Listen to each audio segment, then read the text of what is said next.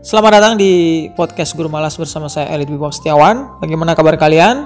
Semoga masih tetap semangat meskipun saya tahu bahwa akhir-akhir ini berkembangan tentang virus corona cukup menyedihkan. Kabar terakhir yang saya baca sudah ada 514 kasus di mana 48 meninggal dunia. Untuk itu, pemerintah menganjurkan masyarakatnya untuk social distancing, tinggal di rumah, melakukan aktivitas dari rumah. Bukan berarti kita malas-malasan di rumah, tapi kita bisa melakukan berbagai hal meskipun itu dari rumah. Paling tidak, kita untuk saat ini lebih bijak lagi. Jangan sampai karena keegoisan kita, kita keluar rumah malah berakibat yang buruk untuk kita ataupun untuk orang lain. Jangan sampai kita seperti Italia di mana korban atau kasusnya sudah sangat parah sekali untuk itu kita ikuti dulu anjuran dari pemerintah. Jauhi tempat keramaian, kemudian sering cuci tangan dan melakukan social distancing tentunya. Saya punya beberapa unek-unek yang sebenarnya sudah lama saya apa pendam tentang dunia pendidikan tentunya. Jadi saya memandang belum ada keseimbangan terhadap aktivitas siswa di sekolah. keseimbangan dalam hal apa?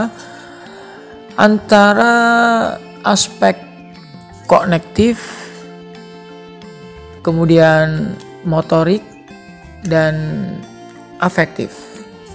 Jadi antara pemahaman, kemudian sifat dan gerak anggota tubuh atau olah pikir, olah rasa dan olahraga itu belum terjadi keseimbangan. Selama ini sekolah hampir di semua sekolah di negeri ini masih mengedepankan sisi kognitifnya dibanding kedua aspek yaitu afektif dan psikomotorik.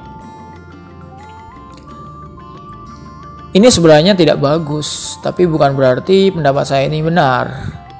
Karena saya hanya seorang guru biasa yang tentunya punya keresahan tersendiri yang apabila saya pendam terlalu lama nanti justru jadinya malah jadi penyakit hati. Jadi menurut saya antara ketiga aspek itu seharusnya diseimbangkan. Jadi kurangi eh, kegiatan yang berbau kognitif. Kemudian kita tambah lagi yang aspek afektif dan psikomotoriknya. Ini semata-mata bukan untuk kebaikan saya seorang, tapi menurut saya kalau ketiga aspek tadi kok dipenuhi kemudian eh, diterapkan dalam pendidikan di Indonesia, saya rasa eh, output yang didapatkan siswa nantinya akan berimbang lagi. Jadi eh, tujuannya punya siswa yang punya pemahaman pengetahuan yang luas, kemudian sifatnya juga bagus, kesehatannya juga bagus. Selama ini di sekolah yang saya lihat dan saya alami sendiri aspek psikomotorik eh, khususnya olahraga masih menjadi hal yang sepertinya dikucilkan karena dari kegiatan pembelajaran hari Senin sampai hari Sabtu itu pelajaran untuk pendidikan jasmani dan kesehatan rata-rata cuma 3 sampai 4 jam pelajaran saja. itu tentunya uh, menjadi masalah tersendiri karena kesehatan meskipun bagaimanapun juga uh, kita bisa melakukannya tidak hanya di sekolah namun juga di rumah tapi alangkah lebih baiknya kalau misalnya dimulai dari sekolah juga karena kalau e, kegiatan olahraga cuma dianjurkan di dalam rumah, saya pikir masyarakat Indonesia ini masih banyak yang menyepelekan.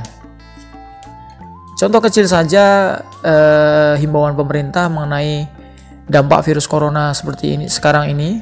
Jadi pemerintah sudah melakukan berbagai anjuran, tapi pem, e, masyarakat kita masih sebagian besar membangkang, tidak menuruti, tidak mengikuti anjuran yang diberikan oleh pemerintah. Dan saya rasa itu memang sudah menjadi ciri khas orang Indonesia tentunya ya. Uh, terus terang saya sendiri pun juga kadang suka bandel apa yang sekiranya benar belum tentu langsung saya lakukan karena kembali lagi ke individu Nah, apabila aspek afektif dan psikomotorik ini lebih banyak ditekankan di pendidikan, seimbang, jadi menurut saya alangkah lebih baiknya lagi. Tentu berbagai masalah yang ada di negeri ini tidak lepas dari adanya uh, mental afektif dan psikomotoriknya yang kurang. Banyaknya orang yang sakit itu menandakan bahwa belum semua masyarakat Indonesia itu sadar akan pentingnya kesehatan. Buruknya elit-elit politik yang banyak tersandung masalah korupsi, kemudian asusila itu menandakan bahwa uh, sifat atau aspek afektif yang dimiliki oleh individu di negeri ini masih terasa kurang juga. Tuh. Jadi agar semuanya berimbang, alangkah lebih baiknya kalau pendidikan kita, kurikulum kita sekarang mulai menyeimbangkan ketiga aspek tersebut. Jangan sampai kita nanti condong kepada sifat uh, aspek kognitif saja. Itu menurut saya uh, langkah yang bijak apabila pemerintah uh, mau me menyeimbangkan ketiga aspek tersebut dalam dunia pendidikan. Bahkan ada istilah dalam ilmu olahraga itu uh, yang saya ingat itu ada mensana in corpore sano. Di dalam tubuh yang sehat terdapat jiwa yang sehat pula. Jadi kalau masyarakat kita sehat tentunya uh, untuk menjalani aktivitas apa pun bisa dilakukan dengan maksimal dengan optimal. Itulah kenapa kita harus sadar akan pentingnya kesehatan. Gimana cara meningkatkan sistem imun di dalam tubuh kita itu juga harus eh, lebih banyak lagi diberikan di sekolah. Nah, kemudian mengenai sifat afektif, saya rasa juga masih belum berimbang karena pendidik, eh, pelajaran pendidikan agama dan budi pekerti itu juga masih sedikit, paling dalam satu minggu hanya diberikan uh, sekitar berapa? 6 jam mungkin. Hanya segitu. Selebihnya banyak yang memasukkan unsur kognitif.